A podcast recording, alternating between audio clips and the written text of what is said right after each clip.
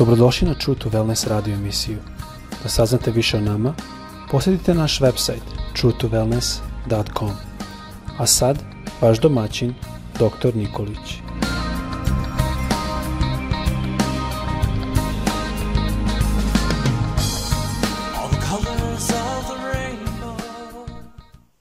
Dobar dan, draga braćo, drage sestre i dragi prijatelji. Želim da vas sve srdačno pozdravim i da vam poželim Boži blagoslov.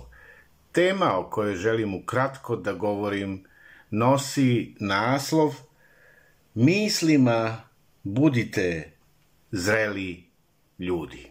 Ili u mislima budite zreli ljudi.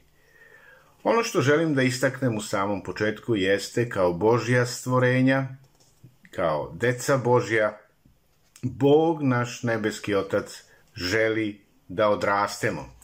Želi da odrastemo i Bog, naš nebeski otac, on ima dobre, ugodne i savršene, apsolutno savršene planove za nas kao svoju decu. On želi da budemo novi ljudi. Šta znači to? Novi ljudi, to znači oni ljudi koji će imati obnovljen um, koji žive da bi njemu iskazali čast, poštovanje i poslušnost. I sada da pređemo sa teologije na praksu. Znate, praksa je uvek malo problematično područje, jer mi trebamo da vežbamo ono što znamo da teologija nas uči i da nas Bog uči. I kada prelazimo sa teologije na praksu, apostol Pavle, on daje smernice za život kakav dolikuje nama koji smo otkupljeni e, Hristovom e, ljubavlju na krstu e, u ovome palome svetu. I ono što je važno jeste da mi moramo prineti sebe Hristu dnevno kao živu žrtvu. I u prilog ovoj tvrdnji ja ću pročitati baš to apostol Pavle što piše u poslanici Rimljanima, svetog apostola Pavla 12. glava, gde mi znamo te stihove, ali nismo možda se zaustavili na njima i malo studiozno proučavali. Zato vas zaklinjem, braćo, milosrđem Božijim, da prinesete sebe Bogu kao živu žrtvu posvećenu i bogougodnu. Da to bude vaša duhovna služba Bogu. I sada, drugi stih. Ne prilagođavajte se ovome svetu, nego se preobražavajte obnavljanjem svoga uma, da biste mogli da prosudite šta je Božja volja, šta je dobro, šta je ugodno i šta je savršeno. I zapazite da ovde apostol Pavle govori o prilagođavanju, e, to jest ne prilagođavanju ovome svetu, a preobražavanju, obnovom svoga uma. I zašto je ovde važna obnova uma?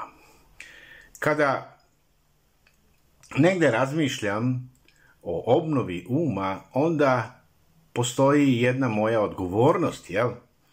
Odgovornost koja se zove nešto trebam da menjam kod sebe. I promena, ona uvek, uvek započinje u našem umu. U našem umu. Način na koji ja razmišljam, on će me učiniti e, da ja promenim i način mojih osjećanja. Jer razmišljanje moje, misao, ona je negde povezana i sa mojom reakcijom, mojim osjećanjima. I znate, kada se događa promena u umu, tada će se dogoditi i promena u osjećanjima, koja će negde nesumnjivo uticati na moja dnevna dela, aktivnosti i sve poslove koje ja i ti radimo. I ovo se zove jedan mentalni preokret ili mentalni duhovni preokret. Zašto je duhovni? Zato što smo mi deca Božja, jel? I da bi bili kao Hrist, to je da bi bili Hristoliki, mi moramo ili imamo taj zadatak da razvijamo Hristov um. I ovaj mentalni preokret u Novome Zavetu naziva se pokajanje, što na grčkom doslovno znači promena uma. Ja se kajem kad god promenim način razmišljanja i šta tada radim? Ja usvajam Boži način razmišljanja o sebi, svestan sam svojih greha, o Bogu koji me voli, kojem dugujem moje pokajanje, o drugim ljudima, o životu, budućnosti i sve ostalo. Pokajanjem dalje ja uzimam na sebe Hristov izgled. Vidite, to je ono što nam treba, da izgledamo ili da ličimo na Hrista. Jer Bog želi da budemo Hristoliki.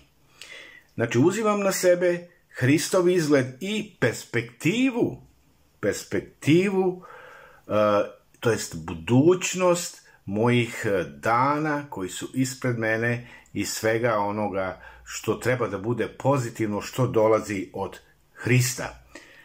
I mentalni preokret je, možemo slobodno da kažemo, izuzetno neophodan. Mentalni preokret je neophodan. Sveto pismo e, zapoveda imajte u sebi istu misao koju Isus Hrist ima. Meni je to potrebno i tebi.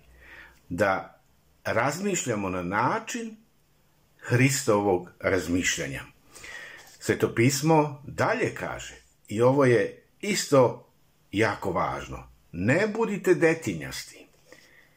Ne budite detinjastih misli, nego u zloći ili u zlu budite nejaki, a mislima budite zreli ljudi.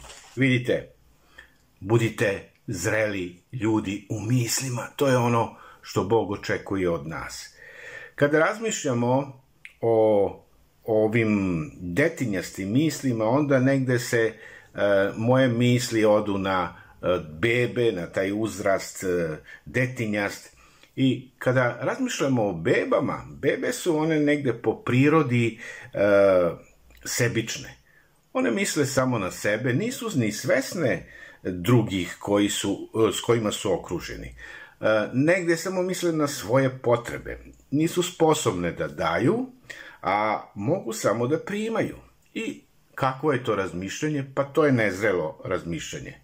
Nažalost, nažalost, neki ljudi odrasli, oni mogu samo da primaju. I to je nezrelo razmišljanje. Znači, nažalost, neki ljudi nikada na, ne prerastu takav način razmišljanja. Bog nas poziva da razmišljamo na način na koji Bog razmišlja. Sveto pismo dalje kaže da je sebično razmišljanje izvor grešnoga razmišljanja ovaj, ili grešnog ponašanja koji se na ime drže tela, koji su u stvari telesni, oni misle na ono što je vezano za telo. Druga polovina razmišljanja po ugleda na Hrista jeste da počnemo da razmišljamo zrelo, što znači da centar moje i tvoje pažnje usmerimo na druge, a ne na sebe, da ne budemo sebični. U svom, da kažemo, onom slavnom poglavlju o istinskoj ljubavi, e, u ljubavi apostola Pavla u Korinčanima, 13. glava, gde je taj hvalospev ljubavi, Pavle zaključuje da je razmišljanje o drugima odraz zrelosti. I onda on kaže, kad sam bio dete, govorio sam kao dete, mislio sam kao dete, zaključivao sam kao dete, a kad sam postao čovek, prestao sam sa detinjarijama. I danas mnogi, mnogi smatraju da se duhovna zrelost meri e, sa količinom biblijskog znanja, to je biblijskih informacija i doktrina koje poznajemo. Iako je znanje, možemo reći, jedan od ovaj, e, merila zrelosti, tu nije kraj priče. Hrišćanski život je mnogo, mnogo više od veroispovesti, od religije. E, naša vera, ona mora biti podržana, podržana našim ponašanjem koje je nalik na Hrista.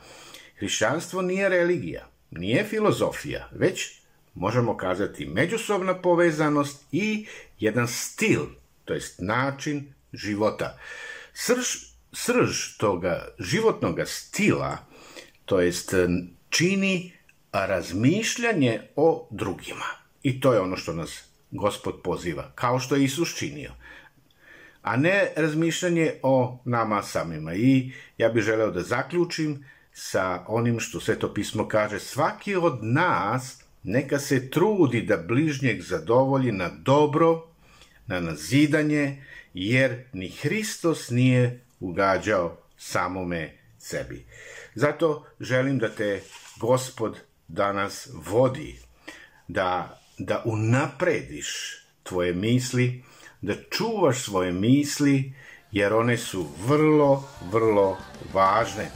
Da ne budeš dete, mislima budite zreli ljudi.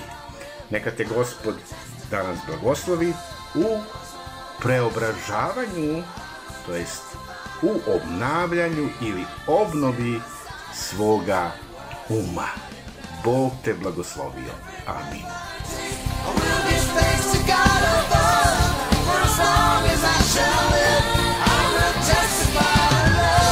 Slušajte True to Wellness radio emisiju. Pridružite nam se ponovo svaki utorak, četvrtak i subotu. Za kontakt molimo posjetiti naš website truetowellness.com. Naša e-mail adresa je info at truetowellness.com.